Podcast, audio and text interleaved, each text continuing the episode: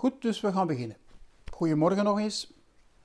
Dus ik ga vandaag uh, iets vertellen over Jukai. Um, misschien gaan we dat. Het was voorzien om dat in Luik te doen, zoals jullie weten. Een hele dag. Met s morgens een, een, een zoals nu. Een middagmaal, een namiddag weer thuisshow, vragen stellen. En dan eindigen we zazen. Oké, het kan nu niet gebeuren, we gaan dat nog wel eens doen. Um, maar dus het is beter om het op die manier te doen dan dat er helemaal niks zou zijn. Goed, uh, Jukai. Dat betekent dus de voorschriften ontvangen. Kai is voorschrift en Ju is ontvangen in het Japans. Dus dat is eigenlijk de naam die ik eigenlijk graag gebruik voor die ceremonie. Dat betekent dus dat we in die ceremonie toevlucht nemen tot Buddha Dharma Sangha, dus kort samengevat. Dat we die voorschriften krijgen, dat we ehm, elke keer bij elke voorschrift een pai gaan doen en dat we op, op het einde ook een, een rakusu, ah ja, haarlok wordt afgesneden. Voor de eerste Chukai is dat de eerste haarlok, voor de monnik en non is dat de laatste. Um, en dan krijg je een rakusu of een kesa en een ketsumyaku. Dat ga ik straks uh, laten zien wat het is. Goed, uh, Jukai, eigenlijk is dat het mooiste wat dat er is. En ik zeg dat niet om, om reclame te maken nu hier en om jullie te verleiden op de een of andere manier. Absoluut niet. Maar het is op die manier dat ik het zelf heb ervaren. Um, het is werkelijk de. Ik heb gemerkt dat in onze Sangha veel mensen lang twijfelen om Jukai te doen. Ik begrijp dat voor een stuk wel, omdat men zich niet goed genoeg voelt misschien, niet, verder, niet ver genoeg gevorderd op de, op, de, op de weg. Maar eigenlijk is Jukai het begin. En ik zou eigenlijk liever niet meer spreken van wijding, want wijding in onze westerse traditie, cultureel, uh, refereert naar priesterwijding. En priesterwijding, dat is uh, wel iets anders dan wat wij doen met Chokai. Um, eigenlijk zouden we moeten spreken van inwijding. Dus initiatie, begin, oorsprong. Ja, zo zou ik het liever eigenlijk willen omschrijven. Het, is echt een, het geeft een duw in de rug. Het, het, het gaat werkelijk, uw beoefening wordt meer dan gymnastiek. Dat is eigenlijk, uh, dat was wat ik hoorde trouwens van een, een iets oudere monnik, hè, van Leuven, die jullie kennen, die mij dat zei, de dag dat ik Jukai deed. Ah, gedaan met de gymnastiek. Ik vond dat, dat had mij toen wel getroffen, eigenlijk. Um, en dat is ook wel voor een stuk zo, in de zin dat um, zazen is meer dan alleen maar een techniek tot mindfulness, tot betere concentratie, tot betere observatie, tot rust en kalmte. Um, het is veel meer dan dat. En dat komt uh, tot uitdrukking in die Jukai.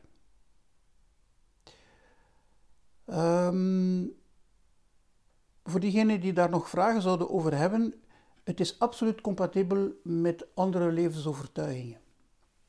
Dus stel dat je gelovig, praktiserend katholiek bent, het is niet omdat je jukai doet dat je daarom je oorspronkelijk geloof zou niet doen of, of, of afzweren, of uh, absoluut niet. Er zijn trouwens veel voorbeelden in onze Sangha van mensen die nog altijd praktiseren, katholiek of, of een andere uh, traditie, en die ja, bodhisattva zijn en, of monnik zelf. Um, als we nu even inderdaad over die monnik um, gaan spreken. Allee, moeten we, voorlopig even, uh, om het, het, verschil te maken tussen Jukai 1 en Jukai 2, om het misschien zo te zeggen. Ehm, het is een verschil in. Eigenlijk is er in essentie geen verschil. Het gaat over hetzelfde. Dus bij de allereerste inwijding krijg je de 16 voorschriften eigenlijk. We zullen ze straks zien welke het zijn. Bij um, Jukai 2 is dat juist hetzelfde. Er zijn er niet meer, er zijn er niet, minder.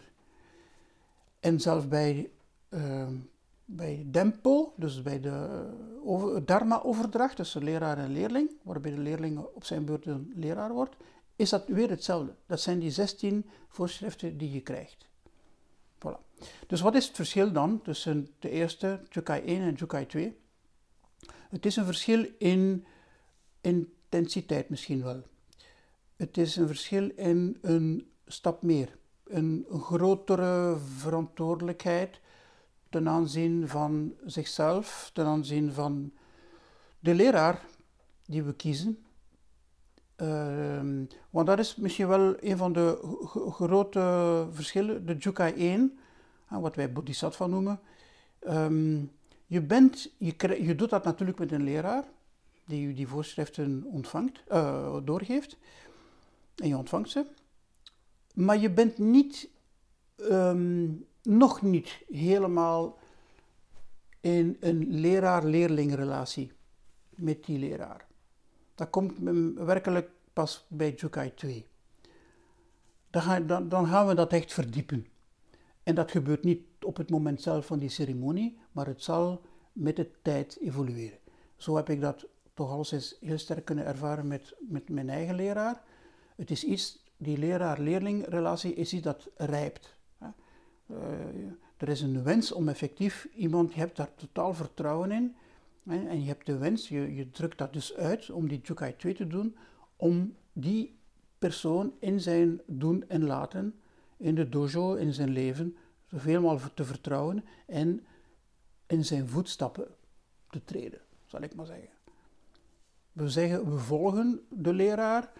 Dat is misschien ook weer zo'n uh, een, een, een, een, slechte uitdrukking. Je volgt het dharma. En met Jokai 2 ga je die nog intensifieren.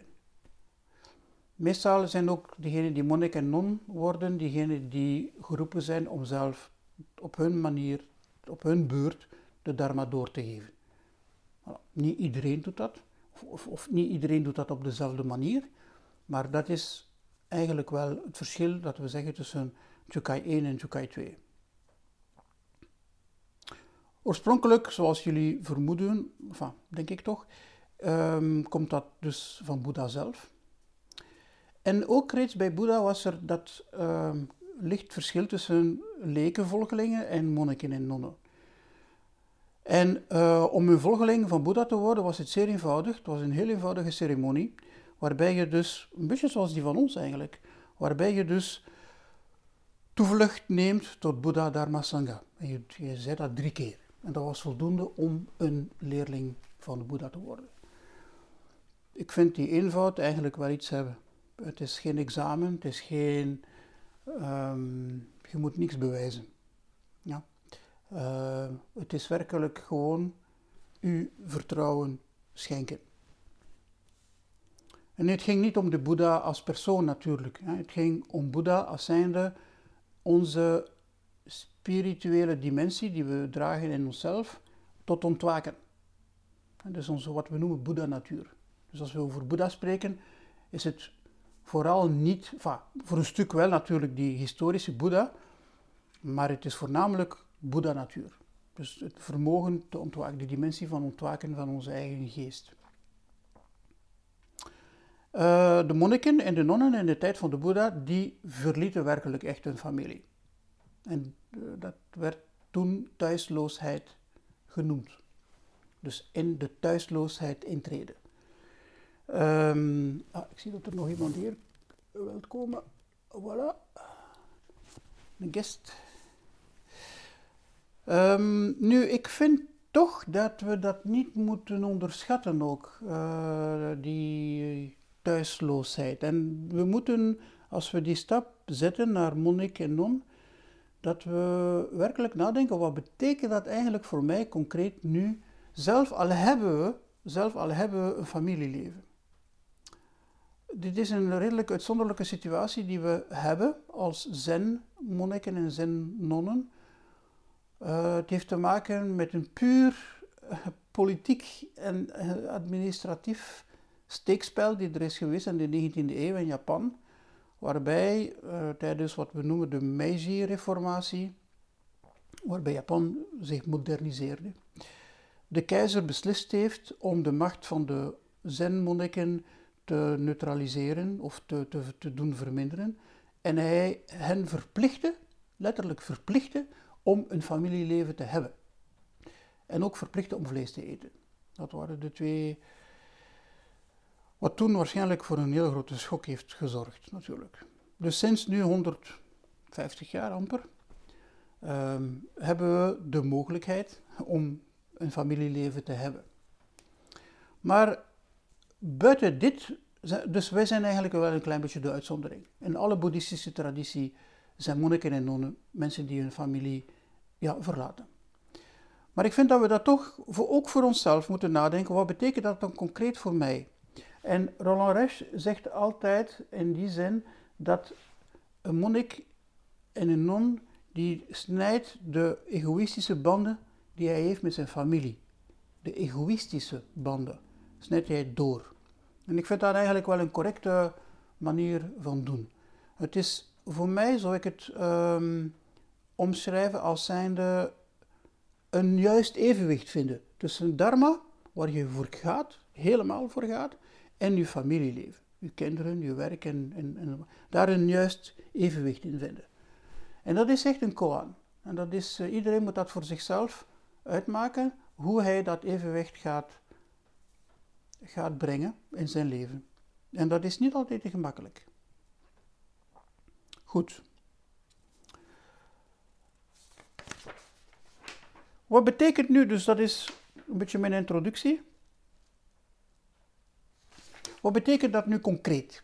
Wat betekenen eigenlijk die voorschriften? Um, Ik weet dat de mensen vandaag de dag daar nogal van dat woord gruwen, uh, dat niet graag horen. Want niemand hoort graag wat, dat andere mensen u zeggen wat je moet doen. Maar zo eenvoudig is dat nu ook weer niet. Ja. Um, het zijn geen verboden en ook geen geboden. Het zijn een soort richtingaanwijzer, een soort richting een soort vector, die jou kunnen helpen met de beoefening. Die voorschriften maken ons verantwoordelijk, helemaal. Helemaal verantwoordelijk, helemaal volwassen in de beoefening. Uh, ik zal zelf zeggen dat het bijna een kunstwerk wordt. Ik gebruik graag dat woord omdat ik zelf wel wat met kunst bezig ben. Maar ik denk dat je, zoals Michel Foucault zei, je moet van je leven een kunstwerk maken. Wel ja, uh, hij was niet boeddhistisch, die man, maar die uitdrukking heb, ik altijd wel heel graag gevonden. Wel, de voorschriften zorgen ervoor, dat is ons werkmiddel. Dat zijn onze instrumenten om van ons boeddhistisch engagement een kunstwerk te maken.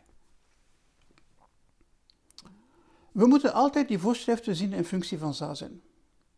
Dat is altijd noodzakelijk. Het zijn geen dingen die van buitenaf op ons worden ingedongen, maar die hebben werkelijk iets te maken met de beoefening zelf, met, met zazen zelf.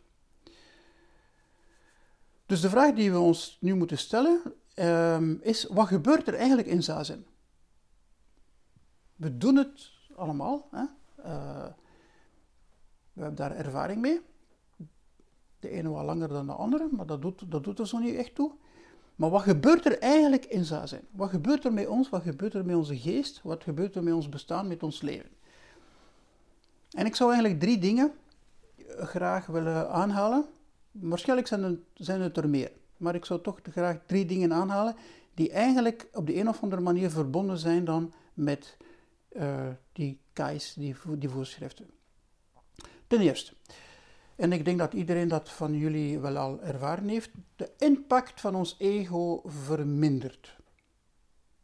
Daar waar in een, een niet-beoefenaar het ego al de plaats inneemt in zijn leven en alles in functie gebeurt van dat ego, begint dat zo stilletjes aan door de beoefening van zazen te krimpen. Niet, en dat wil ik echt om nog eens goed onderstrepen, niet omdat het ego slecht zou zijn. Iets wat je heel veel hoort, ook in onze sangha. Ah, ja, dat is uw ego, uh, voilà, je moet het maar op te, op, zien op te lossen. Dus daar wordt meestal zeer negatief over gedaan. Ik zou dat zeker niet doen. Het is misschien zelfs zo dat het ego ons naar de weg heeft gebracht. Dus we moeten het ego op zijn juiste plek zetten. Hij heeft zijn functie. Alleen maar is dat beperkt. Goed voor het dagelijks leven, de concrete, het concrete omgaan met anderen, uh, enzovoort, enzovoort. ons beroep en, en zo. Maar buiten het ego is er een dimensie, en dat beginnen we te, te beseffen, die vele groter is. Dus het ego is eigenlijk ingekapseld in iets dat veel groter is. En die wij Boeddha-natuur zouden kunnen noemen. Dus de impact van het ego vermindert. En er is een tekst van meester Dogen die schitterend is. Hè, die fameuze versen die jullie kennen, die, ik ga die even nog eens... Uh, en die dat heel mooi uh, weergeven. Hij zegt in de uh, Genjo Koan... De weg van Boeddha bestuderen is zichzelf bestuderen. Dus dat is niet de sutras bestuderen, dat is niet de tekst bestuderen, het is zichzelf bestuderen. Vers 2. Zichzelf bestuderen is zichzelf vergeten. Zichzelf vergeten, en nu komt het eigenlijk, is verlicht worden door alle verschijnselen. En dan kun je zeggen, wat is dit? Is dat poëzie? Of uh, wat, wat, moet ik daar nu onder begrijpen? Verlicht worden door alle verschijnselen, dat is hetgeen je echt werkelijk, en als je beoefent, werkelijk kunt voelen. Ons plaats is niet altijd dat uh, in, in deze wereld, ons plaats in deze wereld is niet altijd dat wat we ervan maken. Ook weer al vanuit het ego. Maar we zijn verbonden met een veel groter aantal andere fenomenen. Door de wetmatigheid van de onderlinge afhankelijkheid het is ook niet zo dat het enkel en alleen maar zo zijn, ja, begrijpen, intellectueel begrijpen, ja, je hebt inderdaad voedsel nodig, energie nodig, water nodig, licht nodig, lucht. Je hebt de andere nodig. Het is niet alleen dat, het is natuurlijk ook voor een stuk dat. Je bent niet alleen en alleen overleef je het niet. Maar het is ook werkelijk ervaren dat je aanwezig bent in de anderen, in de, in de andere verschijnselen. En dat, dat kan een persoon zijn, maar dat kan ook een, een steen zijn, dat kan een boom zijn, dat kan de rivier zijn, dat kan het heel, de hele kosmos zijn. Voilà. U, u, een soort, het onderscheid tussen wat wij zijn en op de manier waarop wij ons ervaren en, de rest van de wereld verdwijnt. En er komt een soort transparantie. En, en, is er een soort heen en ja, een betere communicatie. Een, een, een, uh, het vloeit allemaal veel, veel beter. Dat is wat meester Dogen bedoelt met verlicht worden. Soms wordt het ook gezegd bevestigd worden door alle verschijnselen. Maar het gaat nog verder hè, in, zijn, in zijn tekst. Verlicht worden door alle verschijnselen bewerkstelligt het wegvallen van eigen lichaam en geest. Dus dat is die fameuze uitdrukking Shinjin Datsuraku. Ja? Dat is de manier waarop hij zijn eigen ontwaken heeft geformuleerd. Dus het wegvallen van eigen lichaam en geest. En ja, onderzoek dat eens. Wat betekent dat concreet? En niet alleen dat van jezelf, maar ook dat van de anderen. Ik denk dat dat ook weer te maken heeft met die transparantie tussen jij en de rest. En dan eindigt hij om te zeggen van dat kleine passage uit de Kenjokoan, alle sporen van verlichtingen verdwijnen. Dat vind ik wel heel mooi. Het is niet dat kunstwerk die we bouwen, dat is niet iets opzichtigs, dat is niet iets fenomenaal, dat is niet de Eiffeltoren, dat is niet het atomium, dat, is, dat verdwijnt. de sporen van verlichtingen verdwijnen en deze spoorloze verlichting zet zich eindeloos voort. Dus voor mij, als je uh, bestudeert die Kenjo Kwan, bestudeert die, die, die paar zinnetjes, maak je dat eigen, herkoud dat. misschien gaat dat niet van de, toen ik dat voor de eerste keer las en, en, en ik zeg, maar is dit zo? Hè? Zoals heel veel zaken. Maar maak je dat eigen. Hè? Neem dat mee met je zazen en je zazen zal het begrip van die tekst van Dogen. Maar fundamenteel gaat het over die transparantie, het feit dat eigenlijk de dimensie van ons ego naar zijn juiste plek terechtkomt, maar we gaan die vergeten. Om iets anders te ontdekken, die we opnieuw gaan vergeten. Dus want dat is belangrijk, dat de sporen van de verlichting ook gaan verdwijnen. Ze blijven niet. Dat is niet iets, uh, dat zijn geen medailles die je gaat krijgen. Jokai is geen medaille krijgen. Voilà, dus dat is het eerst. Dat, dat is werkelijk wat voor mij toch alleszins een, een hele mooie formulering is van wat gebeurt er in Zazen? Wel, dat gebeurt in Zazen. Ja. Je bent er natuurlijk niet altijd van bewust, maar beetje per beetje met de beoefeningen nogmaals kun je dat wel ervaren en voelen. Twee. Dan gaan we het belang meer en meer door Zazen, in Zazen zelf, van Buddha, Dharma, Sangha. De eerste drie uh, voorschriften zijn dat eigenlijk. Dus het toevlucht nemen tot Boeddha Dharma Sangha, die concreet gebeurt in de ceremonie, uh, is, dat wordt eigenlijk als een soort voorschrift beschouwd. Nu, wat betekent die drie juwelen? Wordt ook soms de drie schatten gezegd. En waarom zijn het juwelen? Je moet dat niet zien, Boeddha, Dharma en Sangha, moet je dat niet zien als zijnde externe objecten letterlijk dingen die je kunt pakken. Dat is Boeddha, dat is Dharma, dat is Sangha. Nee, dat zijn echt, het is Zazen en Boeddha.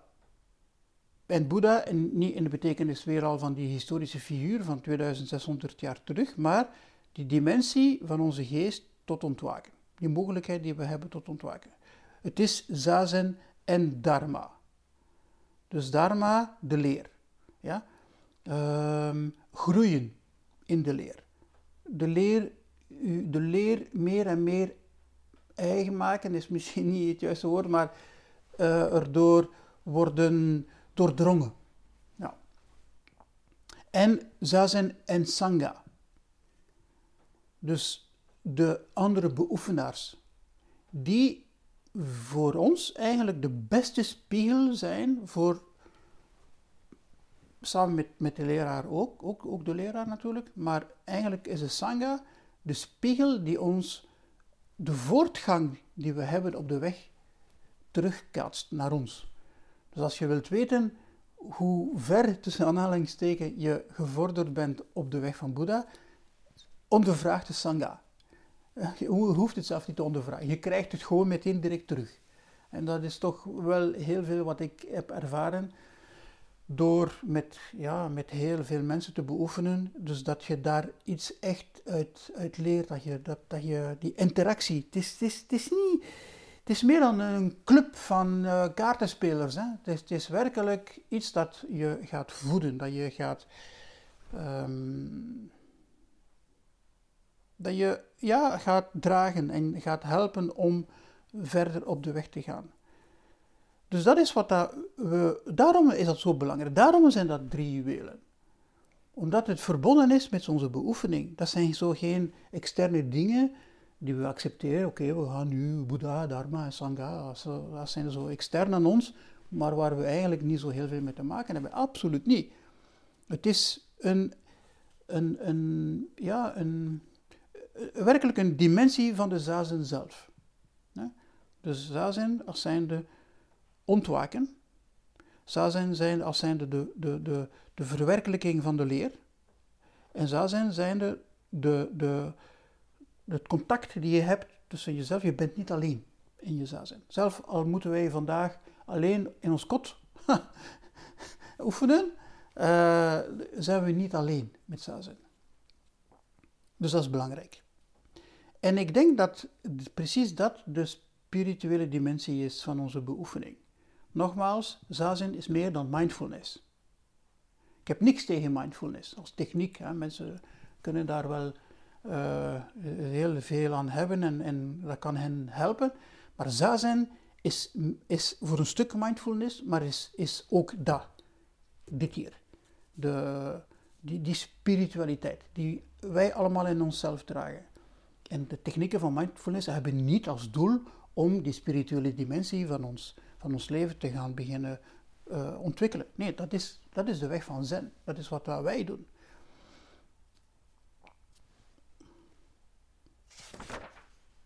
En dan ten derde, wat gebeurt er in Zazen? Ten derde, en dat is de term Mushotoku.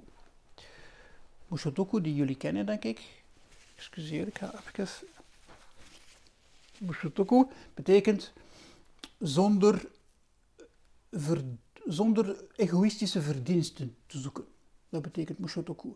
Dus de beoefening van Zazen brengt vruchten voort. Altijd.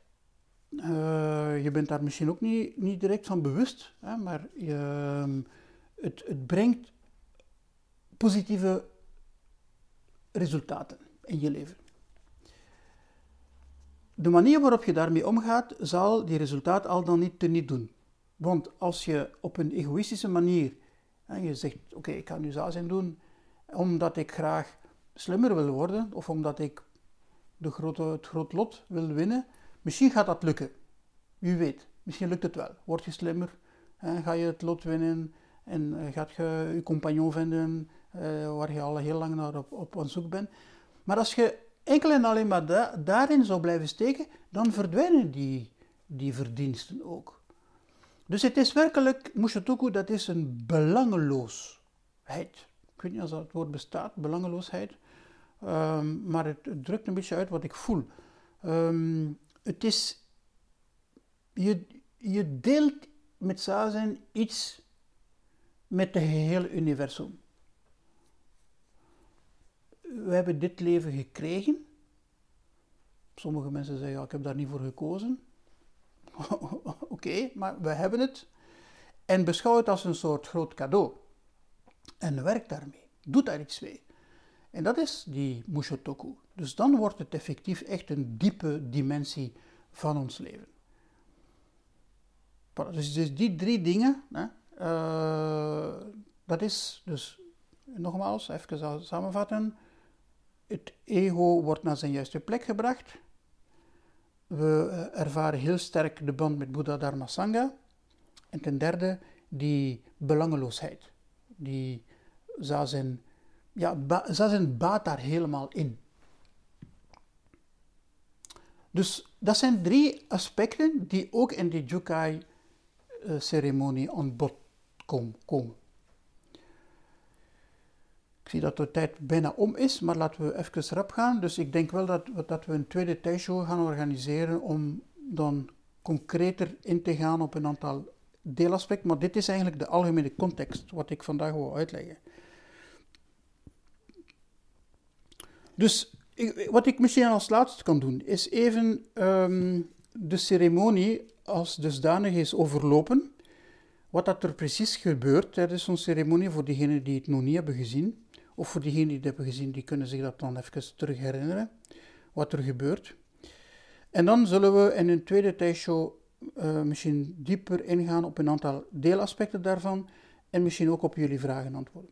Goed, dus de ceremonie uh, begint met inderdaad dus de eerste drie voorschriften. Dus we spreken uit dat we vertrouwen hebben. Hè, dus toevlucht nemen tot betekent vertrouwen hebben. Ik heb vertrouwen in Boeddha, ik heb vertrouwen in Dharma, ik heb vertrouwen in Sangha. Dat is het eerste. Dan stap 2 is, we tonen berouw voor ons slecht karma. Het is niet culpabiliserend, absoluut niet, want wij zijn meestal niet altijd bewust dat we slecht karma hebben geproduceerd. Of nog altijd bezig zijn met slecht karma te produceren.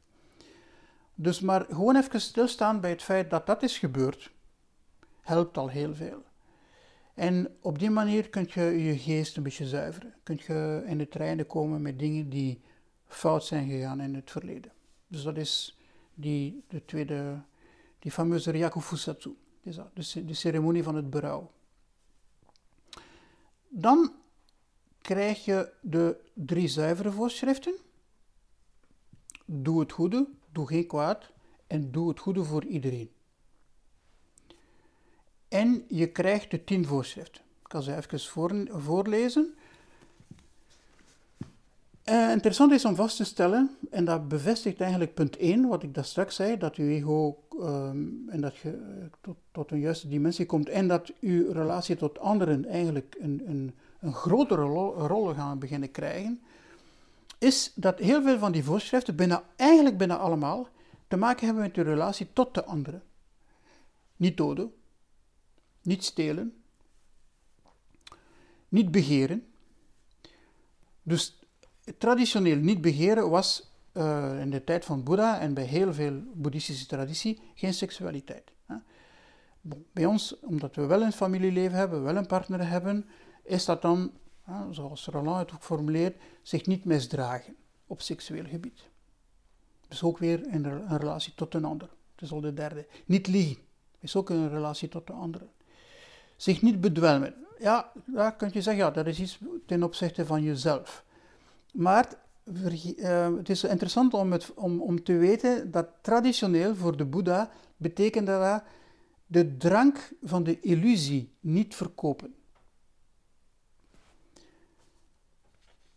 Ik ken een monnik die een wijnhandelaar is geworden. Uh, hij is gestopt met zijn monnik te zijn, omdat dat inderdaad niet meer compatibel was. Ik maak ik heb die man heel graag. Ik, ik, zie die heel weinig. Ik, heb dat, ik had daar een hele goede relatie mee. Dat is nu niet zo belangrijk, dus ik veroordeel die man zeker niet. Maar hij zelf heeft beslist op een gegeven moment van dat inderdaad, hè, dat die uh, drank die hij dan begon te commercialiseren eigenlijk, ja, dat was niet meer compatibel met zijn beoefening.